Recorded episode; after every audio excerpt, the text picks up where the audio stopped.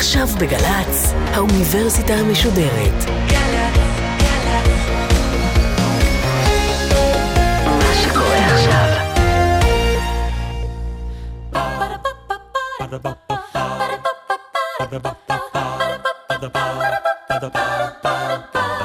האוניברסיטה המשודרת מציגה מסע סביב רעיון, והסמסטר מציאות, והפעם שלמה בידרמן, פרופסור אמריטוס לפילוסופיה באוניברסיטת תל אביב ונשיא המכללה האקדמית תל אביב-יפו, על המציאות בצל אלוהים, בין מזרח למערב, עורכת ראשית, מאיה גאייר.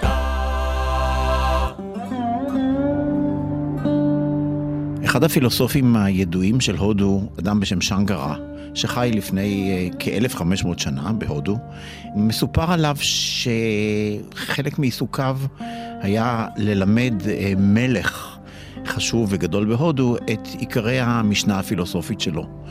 המשנה הפילוסופית של שנגרה, כך נהוג לומר, הייתה לומר שהעולם כפי שאנחנו רואים אותו, על כל המגוון, הריבוי, העושר הגדול שיש בו, איננו אלא אשליה. סוג של אחיזת עיניים. אנחנו רואים דברים כחיצוניים, אבל הם לא כאלה. הם אה, מדומיינים על ידינו. הם נמצאים בתוך המוח שלנו, בתוך תודעתנו. למעשה שום דבר חיצוני לא קיים כחיצוני. לפי הסיפור, זה מה ששנקרה האמין בו, וכך הוא לימד את המלך. מדי בוקר היה מגיע לחצר, היה מתקבל בסבר פנים יפות, כאיש חשוב ואפילו קדוש, והמלך היה מתייחס אליו כתלמיד המתייחס למורהו. אלא שיום אחד פקע סבלנותו של המלך מכל הגיג המשונה הזה על העולם שאנחנו רואים ושומעים ומעריכים ותואמים, ולמעשה אין לו אלא אשליה, ואז המלך החליט לערוך ניסוי מסוים, וביקש ממשרתיו להרעיב איזשהו פיל במשך כמה ימים. ובוקר אחד כאשר שנקרה הגיע לחצר המלך, שולח הפיל המורעב, שהיה במצב די מאני, לעברו של שנקרה. ואז שנקרה מגיב באופן בלתי צפוי לפילוסוף, הוא אוחז את גלימתו בידיו, רץ כמטורף, עולה על איזשהו עץ גבוה, מטפס אליו ויושב על הצמרת כשהוא רועד מפחד. ואז לכל שריקה קלה מוכנס הפיל חזרה לעורבתו או למעונו. שנקרה בעזרת המשרתים מורד מהעץ, מובא לפני המלך, והמלך אומר, מורי ורבי, אם כן אמרת שהכל אשליה, ואם הכל אשליה והפיל איננו אלא יציר דמיונך, כיצד זה נמלטת ממנו אחוז בעתה וישבת על העץ כשכל עצמותיך רוחפות? ואז מתבונן בו שנקרה ואומר, מלכי, אם הכל אשליה, הרי עצם העובדה שגם ראית אותי בורח מן הפיל, ויושב על העץ, גם היא אשליה, ואין זו אלא אחיזת עיניים שדמיינת לעצמך.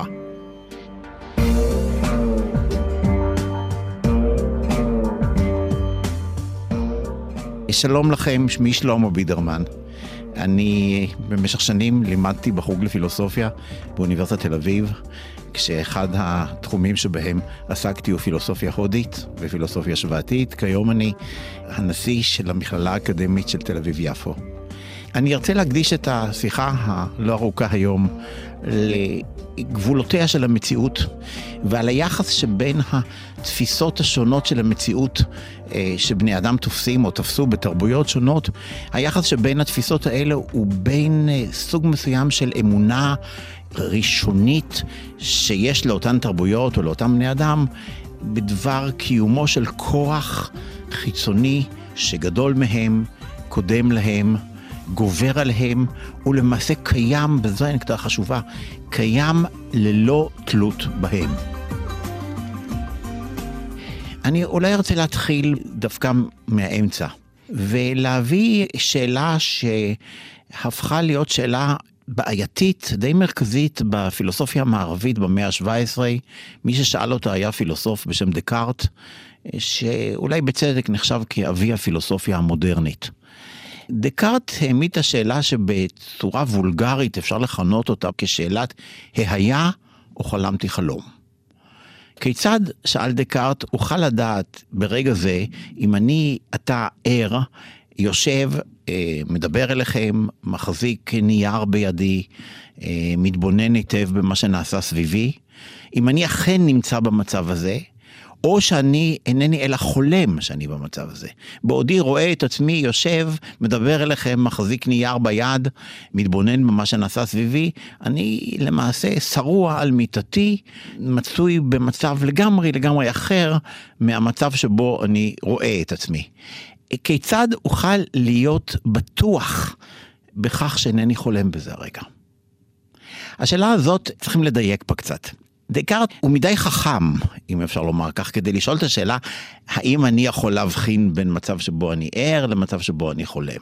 השאלה הזאת היא שאלה שאי אפשר לתת עליה תשובה שלילית. לומר, אני אף פעם אין אני מסוגל לעשות זאת. אני לעיתים מסוגל לעשות זאת, ויש לי קריטריונים מספיקים כדי לשכנע אותי ברגע מסוים שאני לא חולם. אבל, אם השאלה היא לא אם אני עכשיו משוכנע, אלא אם אני עכשיו בטוח, אם יש לי ביטחון מוחלט ברגע זה שאינני חולם. התשובה היא על כך היא שיהיה לי ביטחון בכך רק אחרי שאתעורר. אחרי שאתעורר, אבין שכאשר חשבתי שאני ער, חלמתי. אבל בשלב זה, אינני יודע. אינני יודע בביטחון. יכול להיות שהביטחון הזה לא נחוץ לי. ובעצם בחיי היומיום אנחנו מסתדרים טוב מאוד בלי רמת הביטחון, רמת הוודאות הזאת, שברגע זה אני ער ולא חולם, חולם ולא ער. אבל בואו נחשוב עכשיו מדוע דקארט כל כך מעוניין בביטחון הזה. יכול להיות שהתשובה על כך היא שדקארט מחפש את הקריטריון הזה מפני שהוא מבין שהוא לא יכול למצוא אותו מחוצה לו. היכן הוא היה יכול למצוא אותו מחוצה לו? בדרך כלל בתרבות המערבית, ההבחנה הזו בין מצב אובייקטיבי לסובייקטיבי מבוססת, לפחות בדיעבד, על ההכרה בקיומה של ישות או מהות, או בקיומו של כוח שהוא חזק ממני, גדול ממני, בלתי תלוי בי, קיים לפניי. על פי רוב בדתות המערביות הכוח הזה קרוי אלוהים. Believe in God? Well... I do. But if there wasn't one, would you live any different? I wouldn't. אחד הפיוטים העבריים שעוסק באל, מכנה אותו אדון עולם.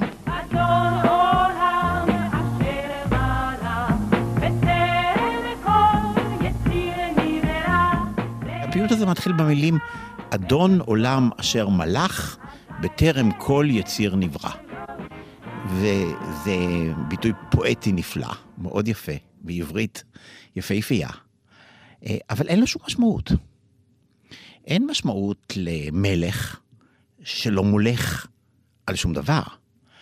כדי שתהיה מלך, חייבת להיות לך מלוכה. נתינים, טריטוריה, זה מה שטמון בעצם הביטוי להיות מלך. אבל אם אתה אומר שיש מלך כלשהו, אדון עולם, שהוא מולך בטרם כל יציר נברא, כלומר, מלכותו היא אבסולוטית, זוהי טענה חזקה מאוד, שאומרת, לאחר הכל, או לפני הכל, ישנו דבר מה שהוא, במילים יותר מודרניות, אובייקטיבי.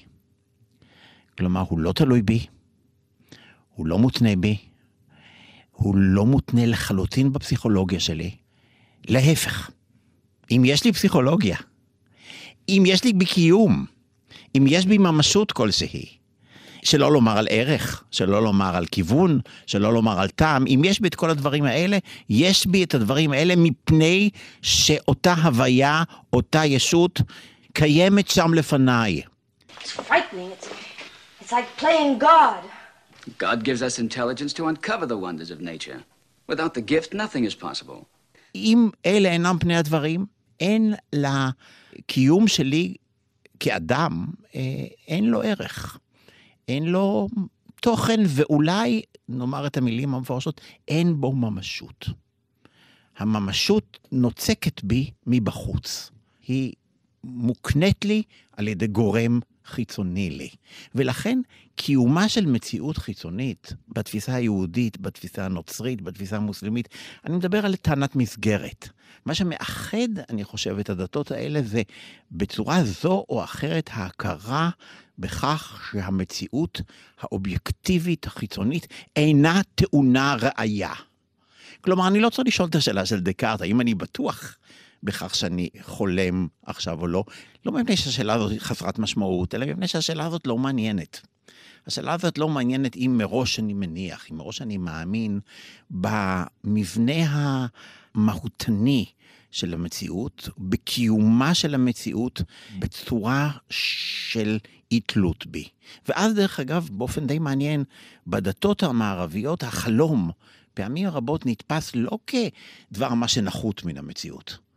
כמו שדקארט מנסה להציג אותו. האם אני ער או אני חולם? אם אני ער, אז אני באמת יכול להיות בטוח שאני עכשיו יושב כאן ומדבר ומחזיק נייר ביד. אם אני חולם, אז לכו תדעו איפה אני נמצא בזה הרגע.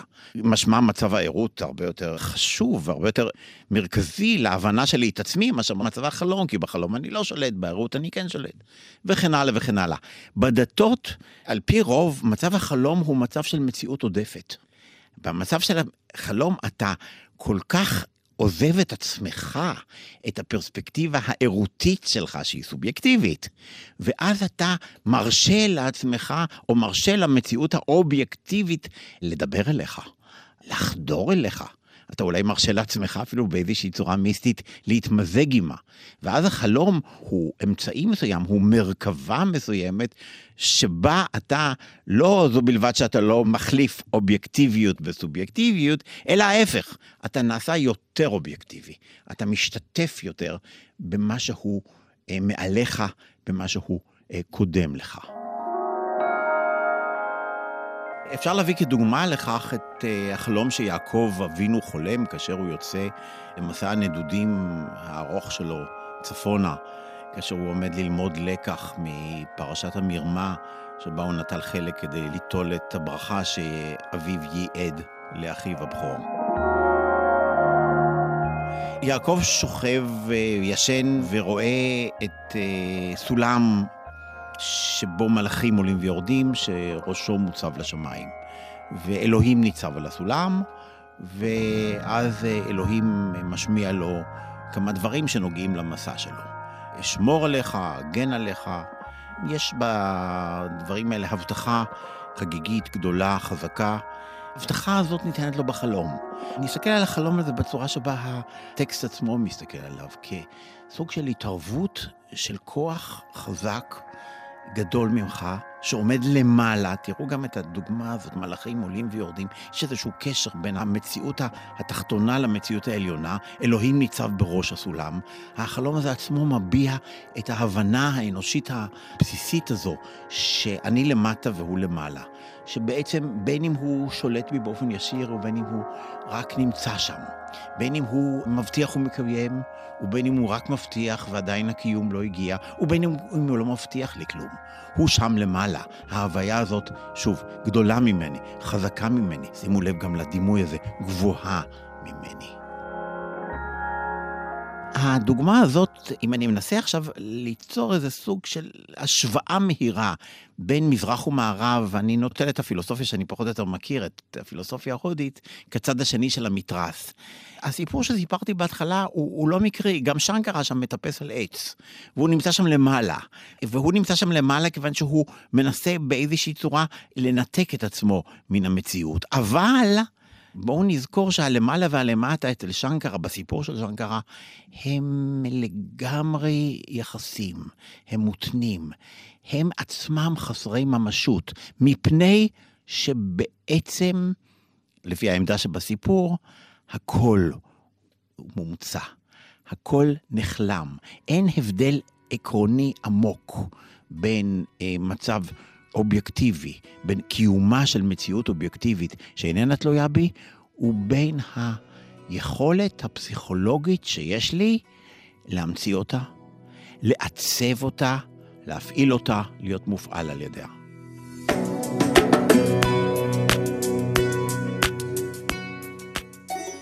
בואו נבחן את העמדה שחבויה מאחורי הסיפור ההודי הזה. מה נחוץ לעמדה הזאת כדי להיות משכנעת? שהרי הסיפור הזה למעשה, כשהוא מסופר מזווית הסתכלות שלנו, זווית ההסתכלות המערבית, הוא קצת מצחיק. מי ניצח שם, שנקרה או המלך? במובן מסוים שנקרה ניצח, כי אם אתה מקבל את העמדה שאני אומר לך שהכל אשליה, אז גם כשאני אומר לך את זה, הכל אשליה, נקודה. ודרך אגב, גם התורה שלי היא אשליה. ולכן גם התורה שאומרת הכל אשליה היא אשליה. ואז בעצם אולי שנקרה צודק באופן פורמלי, אבל מי שצודק באופן אה, פרקטי יותר, פרגמטי יותר, זה המלך. אם הכל אשליה, אז אה, במחילה מכבודך, אל תבלבל לי את המוח. איזה מצב עניינים צריך להיות כדי שהיא תהיה יותר משכנעת? התשובה שלי היא שהיא תהיה יותר משכנעת כל עוד התרבות שבתוכה היא מושמעת מתייחסת יותר ברצינות ובעומק למצבים הפסיכולוגיים שלנו. בתפיסה הדתית המערבית הסטנדרטית, המצב הפסיכולוגי שלי, עד כמה שהוא חשוב, עד כמה שהוא מרכזי בביסוס האמונה, במוטיבציה, בכל מה שאולי יכול לשרת את ההכרה בקיומו של האל ובכוחו ובתכונותיו, המצב הפסיכולוגי לעצמו, בפני עצמו, לא מעניין. ניתוח של איך אני בנוי, איך אני מורכב, איך עובד המנגנון הנפשי שלי, מה נמצא בתוכי ומה נמצא מחוצה לי, האם אני יכול להיות בטוח שיש לי הבחנה בין חוץ ופנים. כל השאלות האלה הן שאלות שלכל היותר הן תפלות, תפלות בטית. לפעמים הן אפילו תפלות בתף. הן לא מעניינות, הן חסרות מובן לעומת הנוכחות הזו, או הצורך להאמין בנוכחות האלוהית כנוכחות אובייקטיבית. עכשיו, אין זה מקרה שבתרבות ההודית האמונה באל או באלים כישות אובייקטיבית, עוצמתית, כל יכולה, בלתי תלויה בנו, איננה קיימת בצורה שבה היא קיימת במערב. יש אלים, כוחם גדול, עוצמתם ברורה, אבל במובן זה או אחר, אנחנו יכולים לגבור עליהם. אנחנו יכולים אפילו להביס אותם. ואנחנו יכולים להביס אותם, אם אפשר לדבר בהכללה, מפני שיש לנו פסיכולוגיה. מפני שיש בנו אה, סוג של אישיות שמאפשרת לנו שינוי. מאפשרת לנו טרנספורמציה. טרנספורמציה שלא באה אלינו מבחוץ. אפילו כשאנחנו חושבים שהיא באה אלינו מבחוץ, דרך אגב, אנחנו חולמים חלום, ואנחנו רואים משהו בחלום. אני לא יכול בתפיסה ההודית לשלול את האפשרות שאני המצאתי את החלום הזה.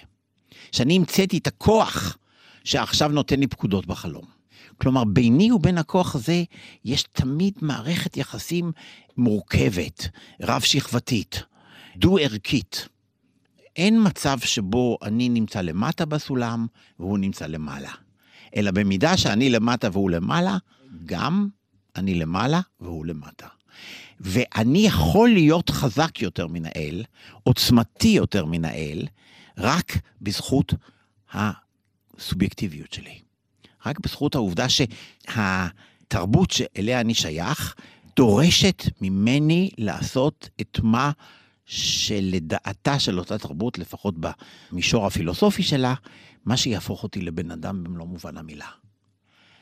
מה שהופך אותי לבן אדם במלוא מובן המילה ביהדות, זה להכיר בעובדה שנבראתי בצלם אלוהים. המילה בצלם היא מטעה כאן, בצלם אלוהים. כלומר, אני דופליקט, אני חיקוי, אני סוג של העתק, ואני צריך להכיר מתוך העתק את המקור. מה שמאפיין את המחשבה ההודית זה לומר שלמעשה אני נבראתי כישות שיש לה כוח שינוי עצמי. כלומר שיש לי יכולת לשנות את עצמי לגמרי, כולל בשאלה מה אני רואה ברגע זה. האם מה שאני רואה ברגע זה הוא חיצוני לי או פנימי לי? יש דרך אגב תרגיל קלאסי ביוגה, שבו אני מרוכז באובייקט. ואני צריך להיות מרוכז באובייקט כדי לתפוס את הפנימיות שלו, את המהות שלו, את מה שאיננו מקרי בו. ואני צריך להתרכז באובייקט הזה כמה שזה ייקח, אני יכול לעשות את זה. זה כמובן מחייב אותי לחסום כל ערוץ התבוננות אחר שיכול להסיט את תשומת ליבי מלהתרכז באובייקט. הריכוז צריך להיות מקסימלי. מה אני עושה במהלך הריכוז באובייקט? אני צריך להגיע למצב שאני יכול להמשיך לראות אותו גם בעיניים עצומות. לראות אותו, לא לדמיין, לא לצייר אה, ככה פלוס מינוס, לראות. במערבית קוראים לזה הלוצינציה. בתפיסה המזרחית הזו, האפשרות שלי להביא את עצמי באופן מודע, ביקורתי, התרכזותי, למצב שבו האובייקט הופך להיות מופנם, אני שולט בו. הוא לא מכאיב לי יותר. הוא לא יכול לפגוע בי יותר. אני גם אה, לא אמור להשתוקק אליו או לשמור אותו, מפני שהוא אני, אני הוא.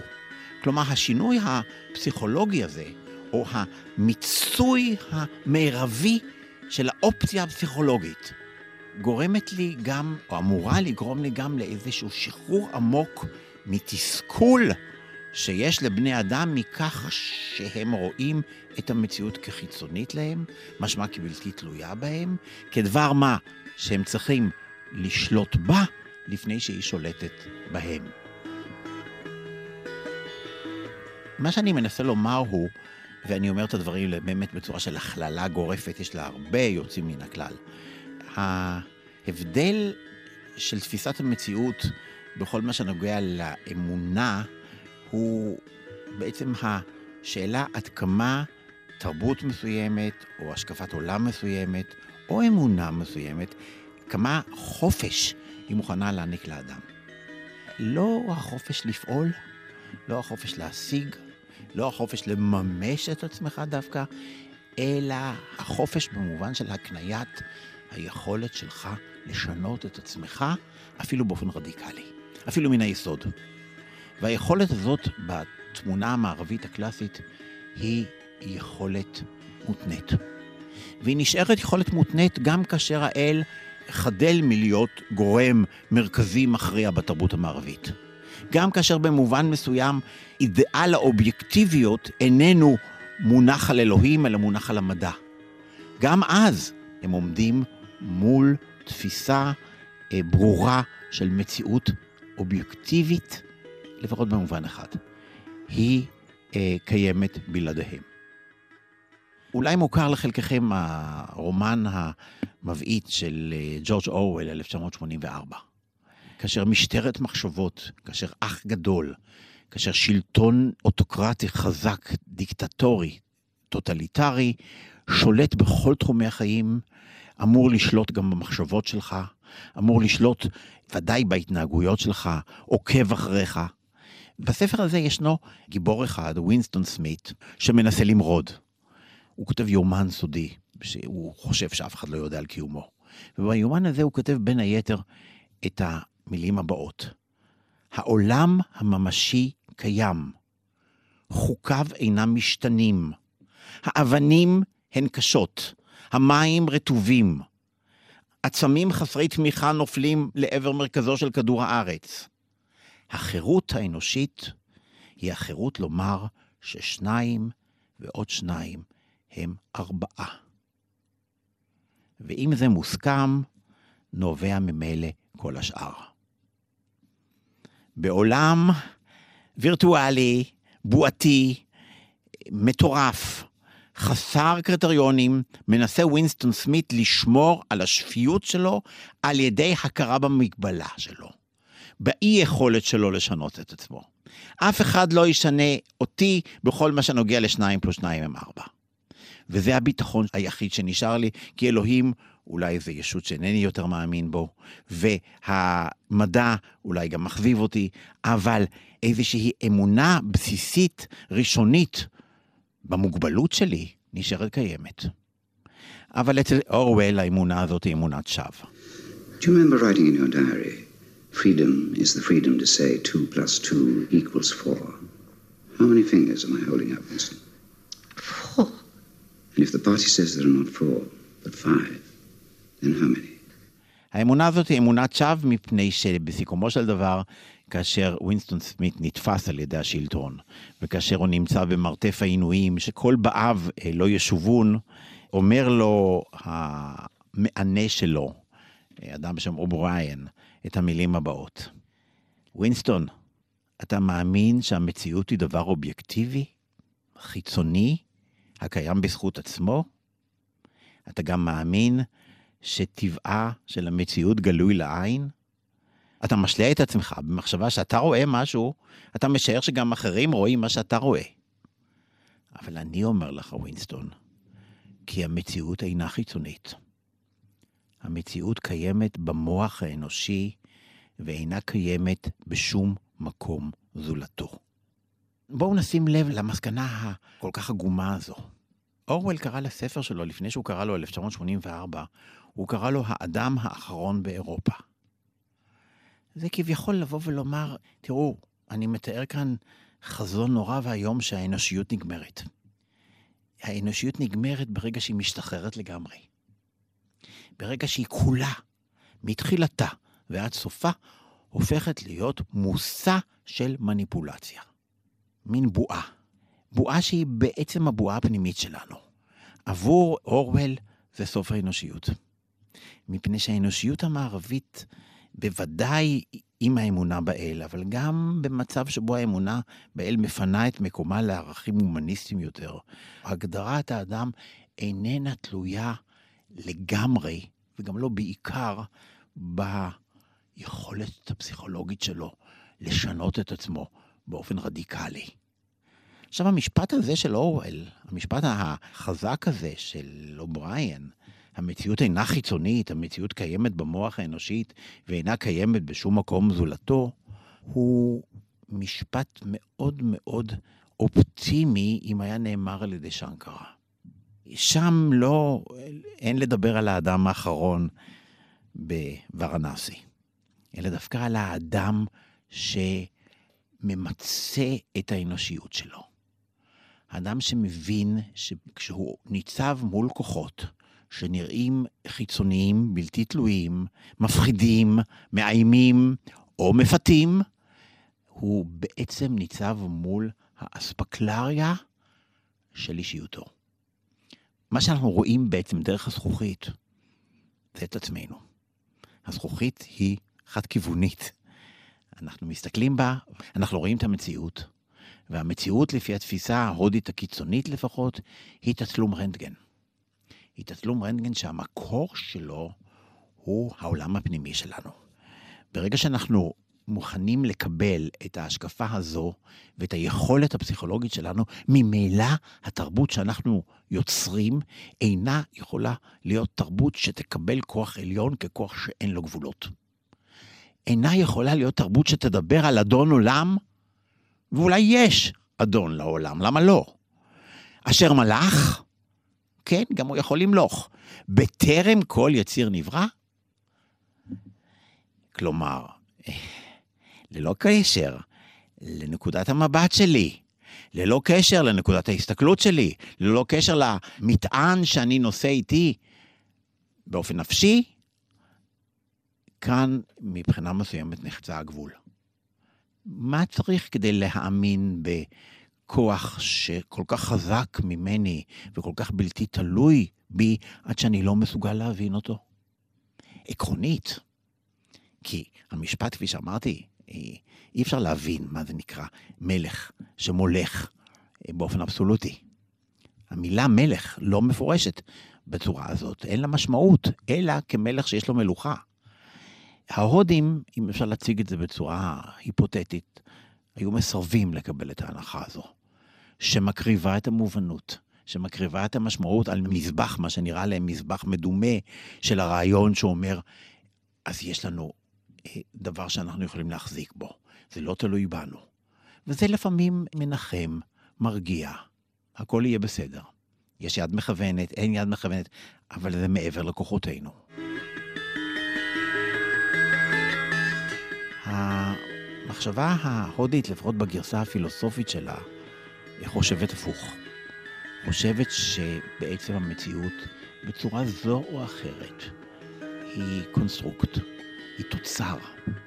היא לעתים אולי אפילו גרסה קיצונית של הוגים שחשבו כך, מניפולציה ממש.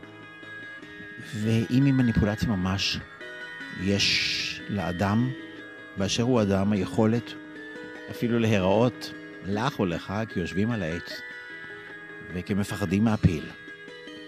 אבל כשהם מפחדים מן הפיל, הם מפחדים למעשה מן הפיל שהם המציאו. וגבולות, דמיוני בעצם, הם גבולות עולמי. אין לעולם ולמציאות גבול, אלא הגבול שאני הקניתי. לא באישיותי, בתודעתי. אלה הם שתי תפיסות, אם כן, שאולי התפיסה המערבית, לעתים המודרנית או הפוסט-מודרנית, הולכת ומתקרבת לתפיסה ההודית, אבל במקור אלה הם, לדעתי, שני כיוונים שונים, אלטרנטיביים, נבדלים, של הדרך הכל כך מעניינת והכל כך מסוכנת לפעמים, לבחון את הגבול. היכן נמצא בדיוק גבול שבין חוץ ופנים.